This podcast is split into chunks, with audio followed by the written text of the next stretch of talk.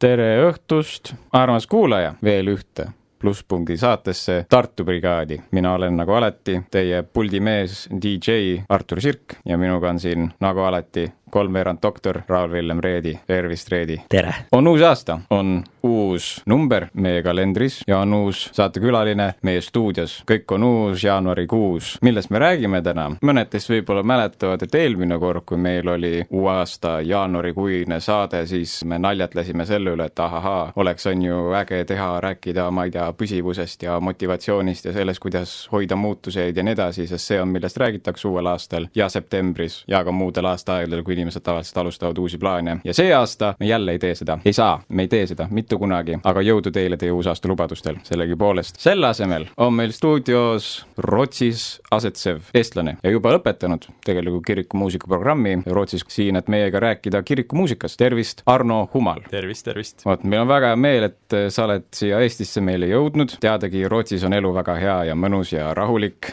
ja rikas, seega meil on väga hea meel, et sa oled loovutanud oma aega vaestele eestlastele, et rääkida meile kultuursetest asjadest ja sellest, mis on kirikumuusika, milline see peaks olema, jumalateenistusest räägime täna, et suur aitäh sulle! ja muusika rollis ka ja sisulisuse ja muusika kaasahaarus, aga muusika sisulisuse telkast, nad peavad vastanduma omavahel ja miks üldse kasutada muusikat, miks osad äh, kogudused ainult laulavad laule, aga teised kogudused laulavad ka sõnu, kes keset oma liturgiat. Need on huvitavad teemad kõik. aga alustame enne sinust, Arno räägi iseendast, millega sa tegeled ja kes sa oled? jaa, ma olen siitsamast Tartust pärit, praegu kahekümne kuue aastane, õppisin nagu paljudki teised Tartus põhikoolis, gümnaasiumis, samal ajal käisin muusikakoolis alates seitsmendast eluaastast, siis tegelikult pärast gümnaasiumi lõppu olin ma veidi dilemma ees, sest et ma olin tegelenud muusikaga pead terve oma elu ja samas mulle meeldis ka füüsika aine. võib-olla see tuli ka sellest, et mul kodus on üks vanematest muusik, teine füüsik nii et siis, endas ka selline äh, mõlemad huvid olemas. nii et siis ma tegelikult õppisin pool aastat ülikoolis füüsikat. ma arvan, et see tuli sellest, et mul oli gümnaasiumis huvitav, minu jaoks väga inspireeriv füüsikaõppejõud või õpetaja Madis Reeman, ka ülikoolis käisin füüsikalises maailmapildis ja seal õpetas Kalev Tarkpea ja see oli minu arust väga huvitav, sest et ta avas füüsikat, füüsikalist maailmapilti tegelikult ka nagu kristlusega seotud ja, ja no tõi välja mingeid objektiivseid asju, kuidas umbes mingid konstandid on on ühe ja kolmega seotud tihti, et see nagu näitab kolmainsust. mu hea sõber tuli usule koos selle aine suure abiga. päriselt? see oli, see oli väga lahe. siis ma ikkagi sellel ajal sain aru, et muusika on väga suur osa minu elust ja et ma ei saa seda lihtsalt niimoodi kõrvale jätta. ja siis ma otsustasingi minna Rootsi õppima kirikumuusikat. miks kirikumuusikat? ma olin varem põhiliselt mänginud klaverit, ema on organist, siis, siis alustasin ka oreliga, kui ma olin viisteist, kuusteist. alguses mulle orel nii väga ei meeldinudki, aga lõpuks hakkas väga meeldima ja noh, siis oli tegelikult raske otsustada. nii orel kui klaver, samuti koorilaul ja, ja dirigeerimine, kõik see pakkus väga huvi, nii et siis oligi kirikumuusika selline ideaalne programm, kuhu minna. see on ikka perfektne praegu, et meil on õppiv õde siin saates, Artur, õppiv arst siin saates, mina, siis meil on organist, nagu organ on ju, et siis meil on kõik väga hästi läheb kokku praegu Or. organitega oleme väga tuttavad. organitega oleme tuttavad kõik, jah igaüks oma organitega. aga miks just Rootsi? mitu põhjust, ühest küljest see muusikutel on üsna tavaline, et kui sa leiad mingi õpetaja, kes sulle meeldib ja inspireerib ja arendav, siis natuke nagu vana selline meistri-selli suhe, siis sa lähed sinna, kuhu vaja. ja no see oligi üks põhjus. ja samas eh, Rootsis, just Göteborgis, seal on selline veidi orelite hub nii-öelda, et seal on aastate jooksul toodud kokku erinevatest maailma kohtadest palju häid instrumente, kõik on väga omanäolised, samuti on ehitatud selliseid üsna unikaalseid pille, nii et see on lahe keskkond, kus olla, et saad proovida palju erinevaid pille. nii et nii ma sinna sattusin aastal kaks tuhat kuusteist, nii et kuus aastat tagasi. ja mm. plaanidki nüüd Rootsi jääda? tegelikult päris mitte see oli kohe algusest peale minu jaoks üsna selge, et ma tundsin sellist ühelt poolt nagu vajadust olla Eestis ja teisalt natuke missioonitunnet, et lõpuks siia tagasi jõuda ja siin mm. asju teha. teadmata tulevikus jõuab Arno Humal tagasi Eestisse teie oreleid parandama ja kas oli mingi konkreetne fookus ka sinu sellel kirikumuusika programmil? kool on ise ta luterliku kallakuga, koolitab välja organiste Luteri, Rootsi Luteri kiriku jaoks. seal on praegu tööl umbes tuhat organisti terves Rootsis, noh, need on nagu sellised tavalised ametlikud töökohad, sul on täistöö või, või poole kohaga töö või mis, mis see siis võib olla. see on selline üsna nagu praktiline kool selles mõttes, koolitab ametikoha jaoks välja. aga seal on ka teisi inimesi, ma ise kuulun katoliku kirikusse siis, aga see ei ole nagu takistus, seal õppida ei saaks. kas see on ametikoolitus umbes nagu ma õpin rekajuhiks või see on ikkagi mingisugune vaimulik koolitus ka, et kas see muusika see on ju kirikumuusika, mitte lihtsalt muusika, kannab mingit vaimulikku väge või rolli ka teenistuses? jaa, see on nii üht kui teist, see on ametikoolitus, samamoodi noh, nagu Rootsis on, kui sa õpid kirikuõpetajaks ja pastoriks, et siis ka see on nagu ametikoolitus, et seal on mingi kindel programm, mis sul tuleb läbi teha, sul on mingi praktika, sul on teoreetilised ained, kõik nii-öelda vajalik, et see on jah ette nähtud. vaimulik pool, see on sealjuures mõtteliselt, kuigi peab ütlema, et kuna, kuna Rootsi riik on üsna range selles, et seal ei tohi olla nagu konfessionaalset sellist väga tugevat identiteeti justkui, siis on see natuke selline vastuoluline. aga neil on õnnestunud nii teha, et see programm on olemas. oota, kas nad õpetavad identiteedituid pastoreid? pastori koolitusel võib-olla natuke teistmoodi okay.. aga sellest... identiteedituid organiste ja tuleb võidelda oma identiteedi eest Viva la Rootsi! see nii on jah, et tegelikult ma olen paljude asjadega rahul väga, mis ma sealt olen saanud, aga üks asi oli küll see, et kui ma õppima sinna läksin, siis ma eeldasin, et nad kõik on kristlased ja teevad seda tööd kui Jumala riigi töö pärast või Jumala riigi tööna, aga siis ma avastasin, et tegelikult enamus teevad ja õpivad organistiks seal lihtsalt sellepärast, et see tundub tore amet ja mm. nagu hea viis muusikaga tegelemiseks. muusikal on väga oluline roll erinevatel teenistustel, Eestis meil on ülistusjuht, me tahame tihti, et oleks kristlane, seal on mingi vaimulik olulisus, et inimene juhiks ülistust, millest me saame omaette rääkida, kas üldse peab eest juhtima ülistust või midagi, see tuleb hiljem. kas siis muusikat saab lihtsalt teha, ise olles täiesti kuidagi lahus kogu sellest sisust, miks see muusika siis on üldse teenistuses? tegelikult minu arust ei saa, aga küsimus on selles, et, et kuivõrd võib-olla teadlik see peab olema, et, et ma just ülistan igal hetkel, ma kujutan ette, see on see, kuidas, kuidas Rootsi kirikut niimoodi natuke niimoodi positiivsemalt siiski näidata. Nende jaoks on see olukord väga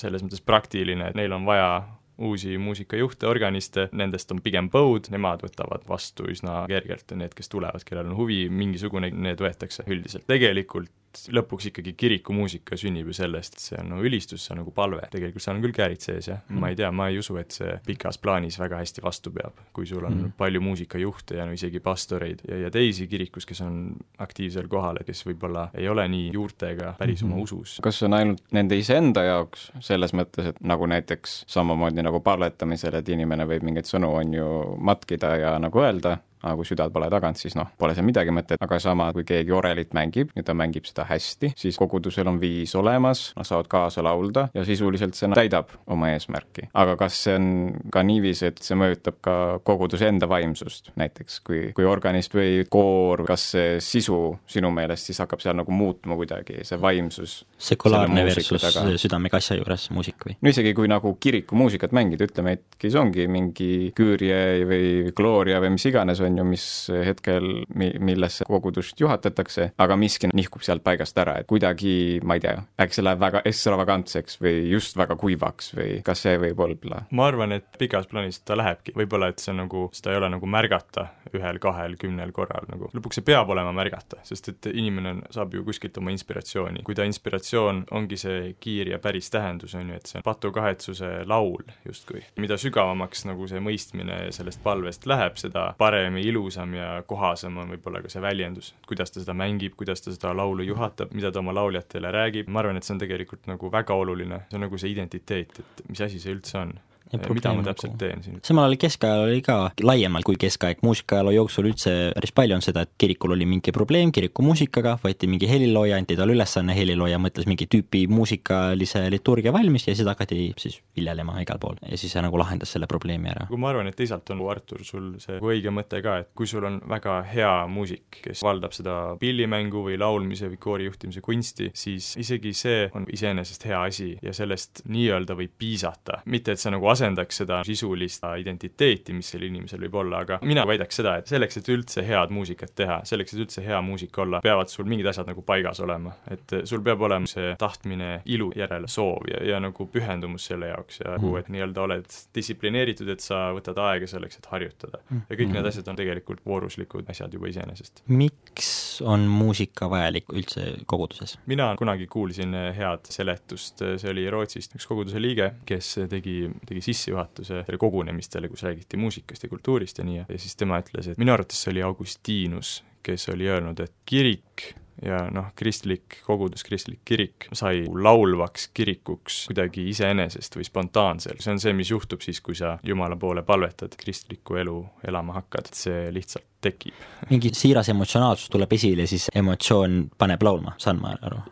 Disney multikatel, see on väga huvitav asi, mida siia debatti sisse tuua või noh, vestluses, kui Disney renessanss oli, on ju kaks tuhat kuni kaks tuhat kaksteist, siis neil oli see dogma, et kuidas nende muusikalid töötavad, on see, et inimesed räägivad, kui nende emotsioonid kasvavad, siis nad hakkavad laulma ja kui nende emotsioonid veel kasvavad, siis nad hakkavad tantsima. et selline nagu eh, laul ja tants sünnib emotsioonist, et põhimõtteliselt midagi nagu analoogset siis või? ja, ja ma arvan küll, jah ja.. nagu isegi, kui midagi mäletan ajaloost, on ju, et kui räägitakse inimese arengust ja tsivilisatsiooni tekkest ja sellistest mm -hmm. asjadest, siis muusika on, öeldakse ja arvatakse, et muusika on olnud nagu esimene asi, mis, mis nii-öelda on inimkogukonda koos hoidnud ja selle keskel kasvanud, koos on lauldud ja koos on, ma ei tea, rütme mhm. plaksutatud ja löödud ja et, et see on nagu mingi selline väga inimeseks mhm. olemisega seotud asi. Mhm. loomad näiteks ei laula selles samas mõttes, nad ei tee nagu muusikat või no aga... hundid laulavad päris ilusti. herkulid ja, ja linnud laulavad. aga minu koer laulab kodus.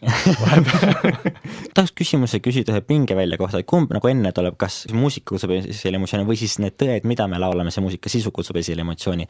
siis tuleb, näeb sellest pingeväljast, et, et on teatud kogudused alla nagu Bethel ja üldse protestantlikud evangeelsed kaasaegsed kogudused, kellel on selline hästi emotsionaalne muusika, et muusika, me saame ehitada üles pinget ja siis selle maandada, tekitada sellise koduse tunde ja see teeb väga emotsionaalseks ja siis see paneb kutsuma nagu, tundma, et me oleme kuidagi lähedased Jumalaga, selle kriitika on olnud see, et sama tunne tekib ka heal rokk-kontserdil või üldse heal musikaalsel elamusel, see pole mitte kuidagi spirituaalne, vaid see on puhtalt emotsioonidega manipuleerimine, et see on nagu see kriitika siis, teiselt poolt sul on siis, vastus on see, et, et võiks olla just selline kristlik tõde, et sul ongi nagu mingid hümnid, kus ongi, et mina patune kole kalts, aga sina oled mind armastanud, issand, see Amazing Grace on inglise keeles tõlgitud eesti keelde ja sellised asjad, mis panevad sind nagu tänulikkust tundma ja siis tekitavad selle, see, see kristlik tõde tekitab sus emotsiooni Jumala poole.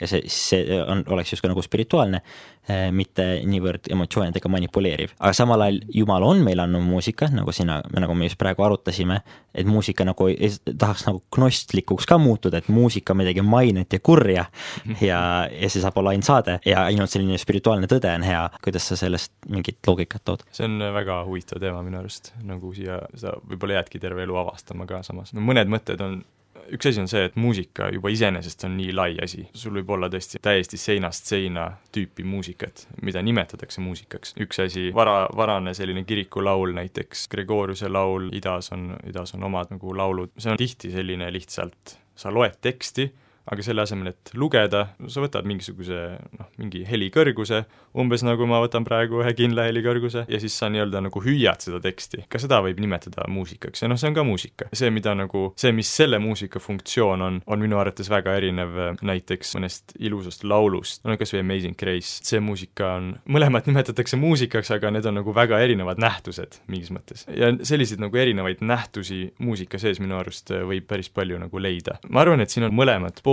olemas. väga hea ja nagu üks muusika roll ongi see, et ta on ilus ja et ta õiges kohas, õigel ajal, see, mis on vajalik, et võib-olla kui sa oled tulnud töölt või õppimast ja nagu pikk päev olnud, eriti ei ole nagu sellist tunnet, et tahaks palvetada või et tahaks kirikus olla või, või, või Jumalale mõelda, siis võib-olla sul ongi vaja seda nagu ilusat või, või rahulikku või, või ülendavat muusikat, mis su meeled sinnapoole viiks, samas jälle teisel ajal ja teises kohas on võib-olla koht sellisel nagu rohkem tekstikesksel, mediteerival, mõtiskleval muusikal, mis viib ühendusse tekstiga võib-olla rohkem ja mm -hmm. nagu üldse juma-, noh, selliste kristlike jumalike tõdedega. nii et sul on mingi optimaalne tasakaal, kus sa ei tohi kumbagi äärmusesse langeda? ma arvan küll, jah. kas see võib olla ka see, et erinevatele inimestele on erinevad asjad Jumal loonud. ma mõtlen, et meie koguduses TIFis on see, et meil on noh, Aafrikast tulevad sellised hästi elavad inimesed ja siis sul on nagu lääne kultuurist tulevad hästi, hästi ähm, mida tahaks vahepeal isegi öelda supresseeritud, allasurutud mm. inimesed kuidagi, ei tohi oma emotsioone näidata mm. ja siis mõlema, et ühe, et ühed ongi sellised äh, võib-olla mitte nii tekstikesksed, aga elavamad ja rohkem tähistavamad ja sellised sõnadest tuleb laulmine, tuleb tantsimine, et siis tantsivad kõik ja siis on sul äh, sellised väga mediteerivad tekstipõhised, et siis on mõlemale seda muusikat, et kas siis teenistuses peaks peakski jumala rahva sellisele, jumala rahva mitmekesisust adresseerima ühe teenistuse keskel või pigem teenistuse kontekstis on see tekstipõhine, sest nagu ühelt pidi ei taha ju, et me emotsionaalselt manipuleeriks inimese usule. teistpidi emo-, inimene on emotsionaalne ja seda ei saa eitada ja, ja muusikat saab kasutada, et emotsioone ka mõjutada heas mõttes. ma olen viimasel ajal mõelnud selle peale, et, et mis minu jaoks tähtis kristlasena on ja ka muusikuna tegelikult, nagu see kõige tähtsam asi on, et see, mis sa teed, see oleks autentne. selles mõttes ka nagu ajatu, et see, mis on autentne, see, see ei muutu ühel hetkel mitteautentseks. see on siiras, see on äh, see, mis, mis kajastab kristlust ja, ja Jeesusele järgnemist kõige paremini või puhtamalt või, või nii. siin võib vaadata, et üks asi on muusika, aga samas muusika on võib-olla selline värav või nagu meedium, mis, mis meid kuhugi viib. ja siis võib-olla võikski küsida no, sinu nagu küsimusele mõeldes, et kuhu üks või teine muusika meid viib. et mhm. kui on nagu rütmilisemad, elavamad lood, siis, siis see viib meid ühte nii-öelda, see annab meile mingi ühe suuna kristlikus elus, seda, seda võib olla mingis ühes olukorras vaja, samas vaiksem, lihtsam, võib-olla mediteerivam, see annab meile midagi muud, mida meil on mhm. ka vaja. ma arvan, et tuleb lihtsalt leida õige mm -hmm. aeg ja koht mm. -hmm. et, et siis sõltub sinu konkreetse koguduse vajadustest? see aeg ja koht, mis sa välja tõid, mina näiteks, mina väga armastan sellist traditsioonilist muusikat, lihtsat muusikat, vanu kirikulaule, nii edasi, on ju, orelit, eh, nii edasi, võib-olla mõnel jääb minust see mulje, et ma ainult nagu koorimuusikat kodus kuulangi, aga ei, mul on seal metalit, mul on seal räppmuusikat, mul on seal kõik, et eh, aga neil on mõlemal nagu oma koht. Ja minu jaoks võib-olla see, seda arutelu on nagu aastaid olnud, on see, et see muusika, mida võib-olla soovitakse kirikus rohkem näha, on selline, mis sobib super hästi laulupeole või tantsupeole et kui olekski mingi no raadiosse ka tegelikult.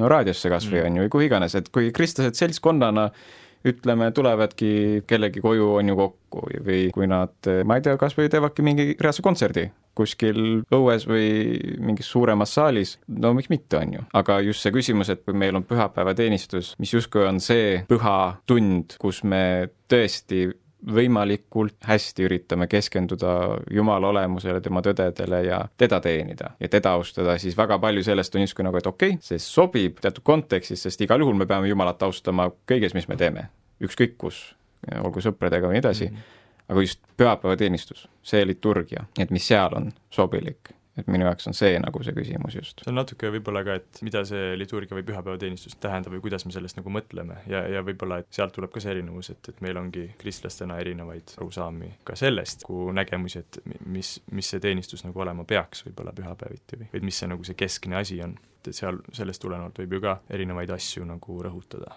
kui palju peaks kirikumuusika õpetama kogudust liturgia ajal. Rousseau Prantsuse luuletustes on väga hästi näha, Prantsuse revolutsiooni aeg on see ajalooliselt siis, et sealt hakkas tulema meie lääne kultuuri see dogma, et emotsioonid on teetõene, on ju, et see on juba klišee praeguseks, aga noh, inimesed siiski usuvad seda, et, et ma tunnen, et ma pean sinuga abielluma, ma tunnen, et armastus on ära läinud, me kasvasime lahku, on ju, ma tunnen, et ma olen Jumalale lähedal, see on hea, ma tunnen, et Jumal on kaugel, siis on midagi halvasti, et mitte me ei lähtu sellest, kus me oleme usuliselt, vaid me lähtume sellest, kuidas me ennast emotsionaalselt tunneme, mis tegelikult ei tule piiblist, vaid tuleb Rousseau on lihtsalt väga hea näite sellest, tema luuletustes on nagu hästi tugevalt see emotsioonid on tee tõeni dogma nagu näha, et sealtkandist see alguse sai. ja ülistusmuusikasse see on üle kandunud, et kui ülistus on hea, siis see tähendas mulle muusika meeldis, see oli meeldiv muusika mu arust. kui oli halb ülistus, siis see muusika kuidagi ei kõnetanud mind, sest see ei tekitanud minus emotsiooni. aga kas ülistusmuusika peaks tekitama emotsiooni, kas see peaks meie kaasaegse kultuuri reaalsusega tegelema või siis see peaks vastupidi ümber koolitama, et me poleks niivõrd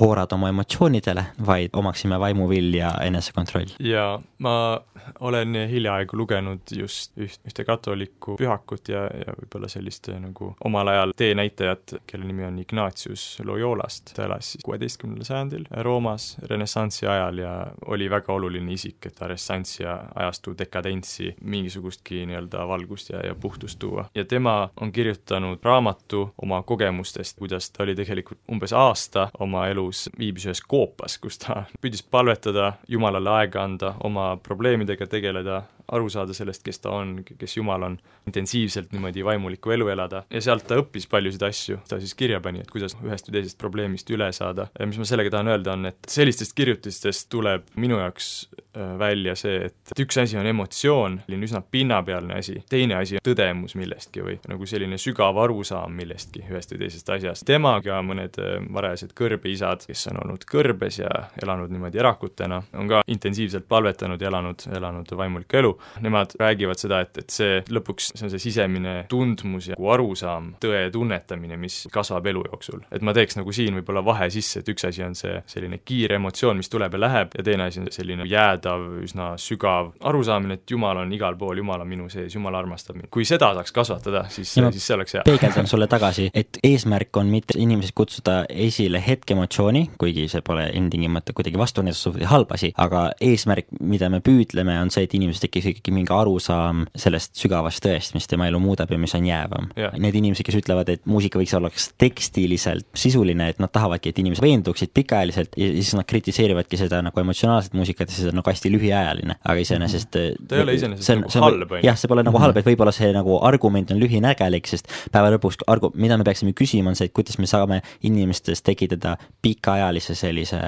veendumuse selles sügavas tões mm. -hmm. ja kui see tähendab, et me tekitame lühiajalise emotsiooni, mis võib-olla tekitab inimeses teeb nad vastuvõtlikuks, siis see on nagu hea, samal ajal pahupool on see, et tekitame inimeses emotsiooni, nad on vastuvõtlikud emotsiooni sees, emotsioon kaob ära, vastu võetud tõde kaob ka ära, on ju. aga ühesõnaga, ma saan aru, peegeldas sind, et küsimused, mida me peaksime küsima, on teised. võib-olla jah, see on nagu hästi öeldud. ei ole iseenesest probleem, et see ei ole ju probleem, kui muusika on ilus ja teeb, toob häid emotsioone või nagu ülistav või, või selline ülendav. ma tooks siit ühe näite näiteks, mis minu elus olnud oluline, on äh, selline helilooja nagu Johann Sebastian Bach. Bach on selles mõttes nagu väga fenomenaalne kuju, et tema muusika on, kütkestab nii inimesi, kes äh, esimest korda tema muusika otsa satuvad ja seda kuulevad, võib-olla eriti klassikalist muusikat muidu ei kuula nii tihti, kui ka neid, kes kuulavad klassikat, on ju, kuulavad erinevaid ja isegi, isegi neid, kes päriselt uurivad muusikat, uurivad, kuidas see on kirjutatud, uurivad seda, neid tehnilisi aspekte. see on nagu Bachi muusika on kütkestav kõigi jaoks. ja ka minu enda kogemuses on olnud nii, et kõigepealt mäletan, just Bach oli oluline, tema kantaadid, mis ta kirjutas pühapäevateenistuste jaoks Leipzigis, kus ta elas. Need on ilusad, noh siis nad kutsusid kuulama ja mida rohkem ma kuulasin, seda rohkem ma hakkasin ka neid tekste lugema, siis ma avastasin, et need tekstid tekstid on nagu väga kõnekad, väga sügavad, nii see asi nagu edasi läks, nii et see lõpuks jättis nagu minu sisse mingi ikkagi jäädava jälje. aga noh, see sai alguse sellest, et, et see oli lihtsalt ilus ja nagu mm -hmm. kutsuv. aga lõpuks ei olnud ainult see ilu, vaid seal oli teisi tasandeid, mis hakkasid mm -hmm. kõnelema. see on selline põimiv efekt selles mõttes, et kui võib-olla tõde on selline sirge joon kuidagi, sirge nagu niit, ja siis sellest tegi väga raske selle, seda nagu ühendada millegagi, sest noh, ta on lihtsalt sirge horisontaalne joon võib-olla aga muusika siis tekitab võib-olla sellised nagu võnked ja siis ongi, et kui sul on näiteks, ma ei tea, kui sa õmbled, on ju, siis ongi selline pidev siksak, on ju, ja siis ongi võib-olla muusika on see, mis põimib tõe mhm. meie sisse kuidagi paremini, et seesama, see püsib seesama armas sõber, keda ma enne mainisin, kes, kes tuli usule ja komponent selles oli see, et ta oli füüsikalises maailmavaates tark peal mm., tema teine komponent oli see, ta oli kooris ja seal nad laulsid Pärdi laule ja tõlkisid ära ja tema jaoks oli see nii kaunis, see tõde, mis seal peidus oli selles muusikas, see mm. muusika oli hästi ilus, talle väga meeldib klassikaline muusika, tema kuulab minu arust küll ainult koorimuusikat. aga see tõde, see, see ilusa muusika sees samamoodi kütkestas seda nagu sinu näide. ja see mm -hmm. paneb mind mõtlema, mulle väga meeldib piibellik nõustamine ja üks asjadest, mida ma seda uurides olen aru saanud, on see, et erinevad liikumised tahavad väga tasandada muutuse mingile valemile, et mõtle sellest, tee seda, oma seda vaimulist distsipliini, siis läheb kõik korda, aga päeva lõpuks elu on hästi kompleksne ja muutuv ja tõenäoliselt Jumal kasutabki, nagu Artur ütles, läbi põimitud hästi erinevaid külgi, siit muusikat, siit seda kokkusattumust, siit seda õpetajat mm. ja, ja sul tulevad kõik need asjad kokku ja sul on kõiki neid vaja ja sa ei saa öelda, et emotsioon on halb, emotsioon mm -hmm. on hea, sõnad on head või liiga kuivad või liiga mahlased või liiga ekstravagantsed, see on kõik sõltuvalt sellest, kuidas mm -hmm. neid mhm. rakendatakse, miski pole hea ega halb, kõik on küsimus mm -hmm. kasutuses, eesmärgis mm. -hmm. peaasi, et me ka ei hakka nagu nii-öelda jumaldama mingisugust Just. aspekti, on ju, mis no,, mis võib-olla kergesti võib tulla. nagu Kolossa kiri ütleb, et, et ära näpi, ära söö, on ju, et kõik see on vale, et kõik need asjad on mõeldud kuluma kasutamise läbi, aga neil pole üksi väge äh, himmude alistamiseks. jah, ja tuleb ka meelde Pauluse sõnad, on ju, kus ta ütleb, et kõik on lubatud, aga, aga kõigest ei ole kasu. no see ka jälle, tuleb aru saada, millest on kasu just mulle mm, siin ja praegu. ja siis, mis noh, lahendab lahendab ka selle küsimuse, et kuidas me ei ole oma emotsioonide meelevalla all, vaid ise talitseme emotsioone, et me ei lähe selle kultuurivalega kaasa, et emotsioonid on tee tõeni. see nagu aitab seda küsimust ka lahendada. aga siis meil on kiriku ajaloost, enne saadet rääkisime natuke Palestriinast, kui kontekst oli see, et kirikumuusika ei läinud üldse mu helilooja elamise ajal rahvale peale siis kirik andis nagu ülesanne, et tee kaasahaaravaks see põhimõtteliselt. et mina nagu tõin selle näite, et kirik oli nagu palun tee kirikumuusika Power FM-iks.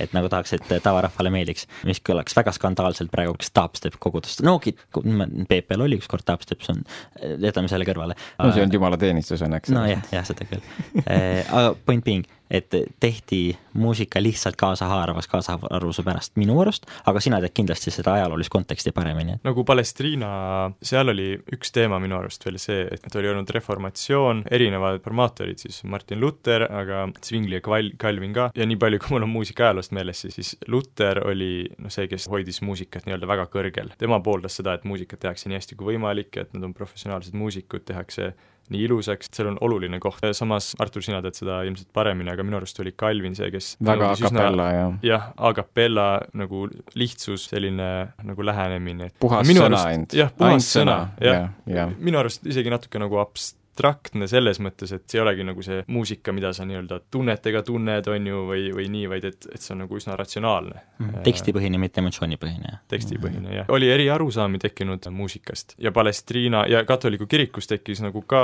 see küsimus, on ju, et milline siis muusika olema peaks, see oli justkui selline reaktsioon sellele, et, et keskajal ja hiliskeskajal oli hakanud muusika minema üsna kompleksseks selles mõttes, et sõnast oli raske aru saada ja nagu ei olnud hästi kuulda tuli sellest ka, et oli palju suuri kirikuid. Ja no see akustika juba iseenesest on nii suur, on ju, ja siis otsiti mingeid lahendusi, kuidas nagu laulda niimoodi, et tekst lauldaks ära, aga samas see kõlaks ka ilusti, et oleks nagu huvi-, aga noh, lõpuks ei olnud sõnadest eriti aru saada. ja siis oligi see diskussioon, et kas peaks minema üle täiesti ühehäälsele laulule, nii nagu noh, nii-öelda nagu lihtsale, väga lihtsale laulule, tekstipõhisele, või siis on ka ruumi sellele, et muusikaliselt siin komponeerida ja nagu seda ilu ja kaunidust ja, ja erinevaid teemasid välja tuua. Ja Palestriina leidis nagu sellise kesktee siis. ja ma parandan ennast ka, ma enne ütlesin, et tõde või emotsioon, aga ma ütlesin tõde või muusika või tekstipõhine või muusikapõhine, sellepärast et -hmm. et ideaalis tekstis tuleb ka emotsioon mm. -hmm ma tulen korra tagasi ühe mõtte juurde, mis mul tuli, kui rääkisime põimumisest. see ei ole võib-olla otseselt põimumisega seotud, aga,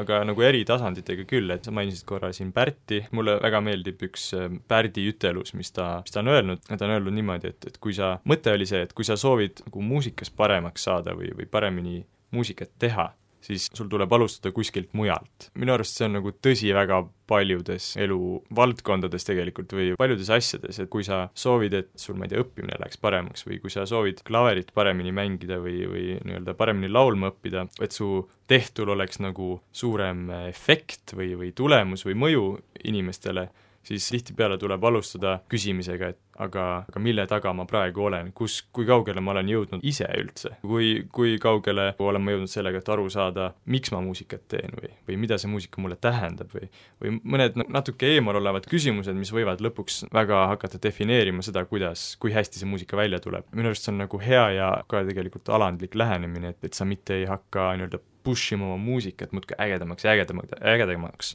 vaid sa süübid korra, oled vaikselt iseenesega ja nagu küsid, et miks ma teen muusikat ja mm -hmm. mida see mulle tähendab ja miks see on oluline. no me jõuame ringiga tagasi sinna, et kõik on selle küsimuse rakkes ikkagi, et kuidas ma jõuan selle sügavama arusaamiseni Jumalast mm, -hmm. mis, mis mind nagu tagasi ajab. kuigi see, mis sa rääkisid, just ma jäin mõtlema, et on ju see identiteedi küsimus, et see, kuidas me laulame niiviisi, võib-olla isegi see küsimus tuleks tõsta ühe nagu tasandi võrra kõrgemale ja mitte niivõrd küsida, et millist ülistust meie soovime või mis meile on nii-öelda kasulik või eelistatavam, vaid just see, et milline on kiriku enda identiteet selle poolest, et milline peab siis olema selle väljendus ülistuse poolest, Jumala poole, sest no kui me isiklikult mõtleme nagu, et aa jaa, mul on oma väike kogudus, tore väike nelikümmend, viiskümmend inimest on ju igal pühapäeval ja aa, me oleme neid laule ja neid laule ja nii edasi, aa, see on äge, aga kui mõelda nagu, et oot, aga kui kõik kristlased niiviisi ülistaksid, siis oleks nagu, et aa, aga siis see on ju veidike kurb või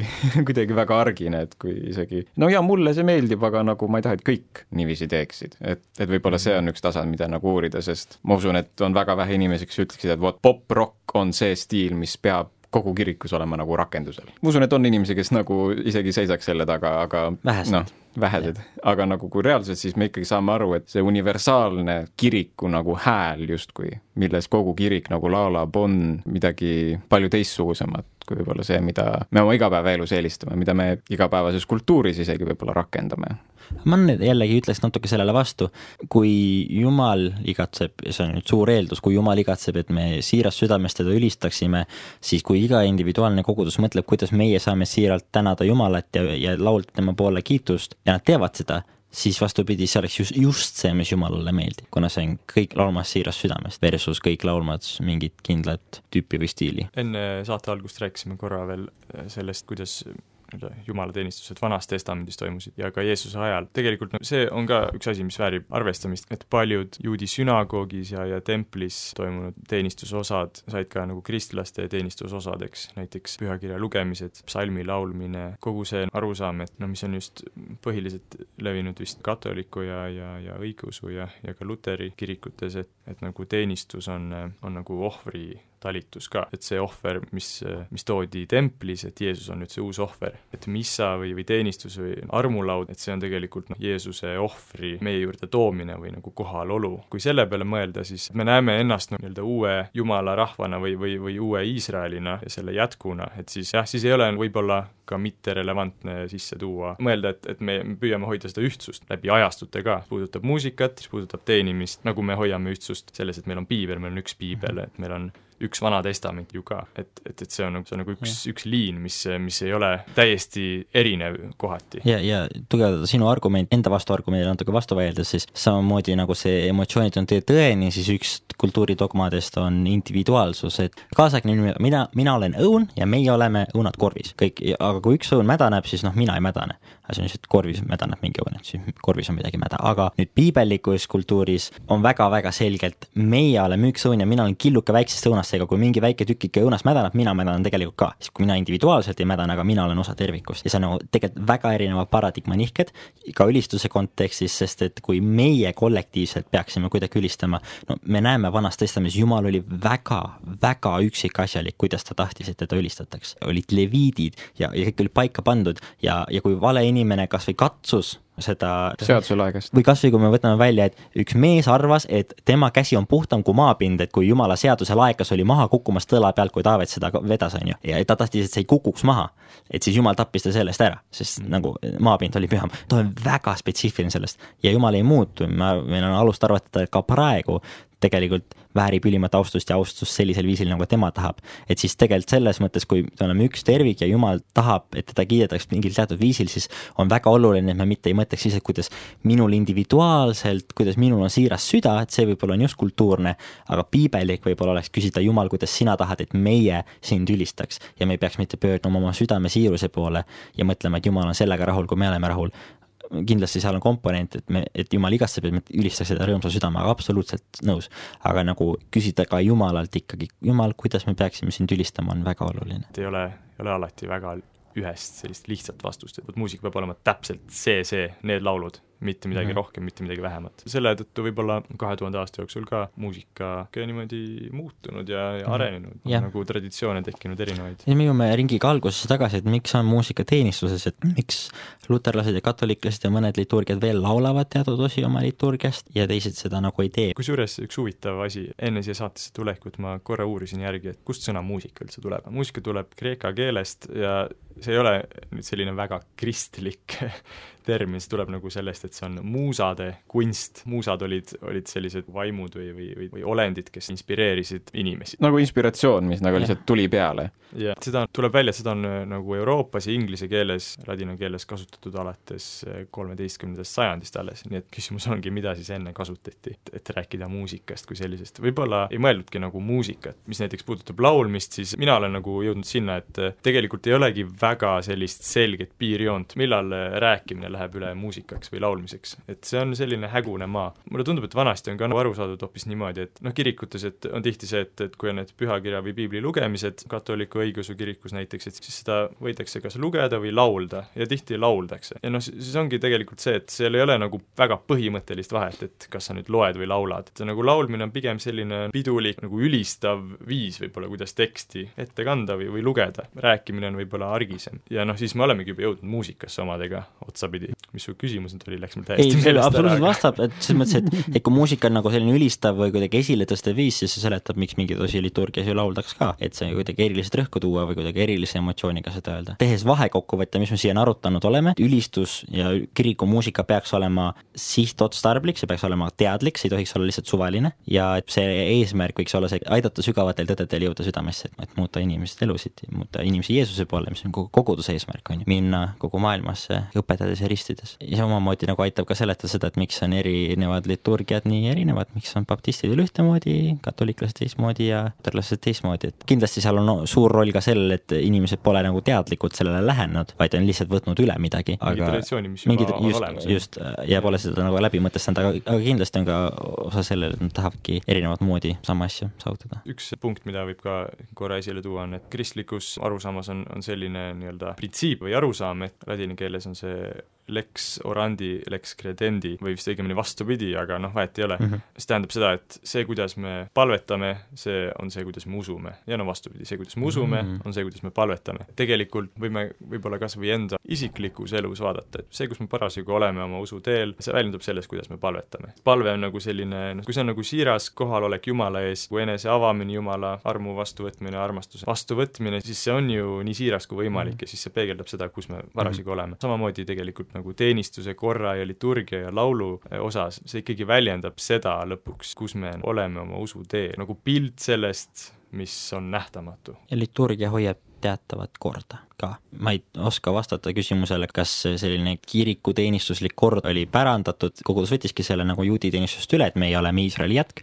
või siis see oli nagu reaktsioon sellele, et, et hästi palju oli omamoodi asjade tegemist ja, ja siis kirik tahtis, et asjad oleks nagu hästi ja siis tehti liturgia kuskilt, aga päeva lõpus liturgia aitab asjadel püsida joonel igal juhul. ja lõpuks, kui mingid nagu muutused sisse tulevad, siis ei ole niiviisi, et mitusada või mitu tuhat inimest korraga järsku mõtlevad, et vot, võiks nii teha nüüd, vaid alati on see mingi võib-olla isegi ainult üksainus inimene või paar üksikut inimest, kes ütlevad, kuule, teeks hoopis niiviisi. ja siis nad lähevad, rakendavad need ideed ja siis ülejäänud kogudus lihtsalt ongi nagu, et aa ah,, nüüd teeme natuke niiviisi ja nad kas võtavad selle vastu ja nagu, et okei okay, nüüd me siis laulame niiviisi või nad siis tasapisi aina rohkem tõrgestuvad selle vastu või siis harjuvad ära. et ma arvan, et samamoodi muusikastiiliga, mis koguduses on, et lõppude lõpuks enamus inimesed ei ole ise otsustanud, et vot, see meeldib mulle, vaid neid on õpetatud. Neile on antud miski edasi, sa tuled usule, sa oled siniste silmadega, palun näidake mulle kõik, õpetage mulle kõik ja nad võtavad kohe ka omaks selle, kuidas see kogudus, kuhu nad on sattunud, nagu ülistavad. ja ma arvan, et see nii-öelda kirjusus, mis on kristlikul maastikul, ta on loomulik ja mitteloomulik selles mõttes minu meelest, et ta on mitteloomulik selle poolest, et keegi otsustas, et me teeme nüüd niiviisi ja temast edasi arenes terve vool kristlasi noh, mingi ühte- teatud, teatud, teatud tüüpi viisil nagu teevad jah, asju. teenistust. aga loomulik selles mõttes, et, et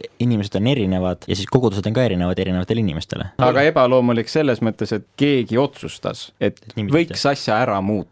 No samal ajal jällegi mul on nagu sõp-, noh, seesama sõber, kellest, keda ma olen juba kaks korda maininud, tema tuli minu kogudusse, vana kogudusse ja tema oli nagu täiesti õõvastatud sellest teenistusest, nii valimuusika, nii sisutühi muusika nagu võrreldes minu, minu mittekristlik koor, kes laulab Pärti, see on lihtsalt nagu mingi lapsemäng, on ju, ja ei tahtnud seda muusikat enam kuulata, versus teised, kes on olnud ja luteri koguduses ütles, see on nii igav ja nii mitte midagi ütlev, inimesed lihtsalt teevad nagu liigutusi läbi ja mitte mingisuguse mõttega seal taga, aga vaat nüüd ma tulin siia baptisti kogudusse, siin on inimesed südamega asja juures, noh natuke seda ikkagi tegelikult on ju, et, et inimesed on lihtsalt erinevad ja nendeni jõuab eri viisidel ja siis Jumal on loonud erikogudused. võib-olla see punkt ka, et, et ikkagi see, kuidas teenistus kulgeb või mis laule lauldakse ja kuidas liturgiat või, või teenistust peetakse, see ka nagu ju ikkagi mõjutab seda mm, -hmm. kuidas sa kristlasena kasvad. aga noorteteenistused, kus me tahaksime just sellist tasakaalukust rõhutada, seal on tihti elava muusika ja elavamad jutlused ja täiskasvanud, kus võib-olla me tahaksime rohkem sellist rutakust ja kirglikkust rõhutada, siis võib-olla inimesed on mugavaks muutunud, seal meil on just kõige rahulikumad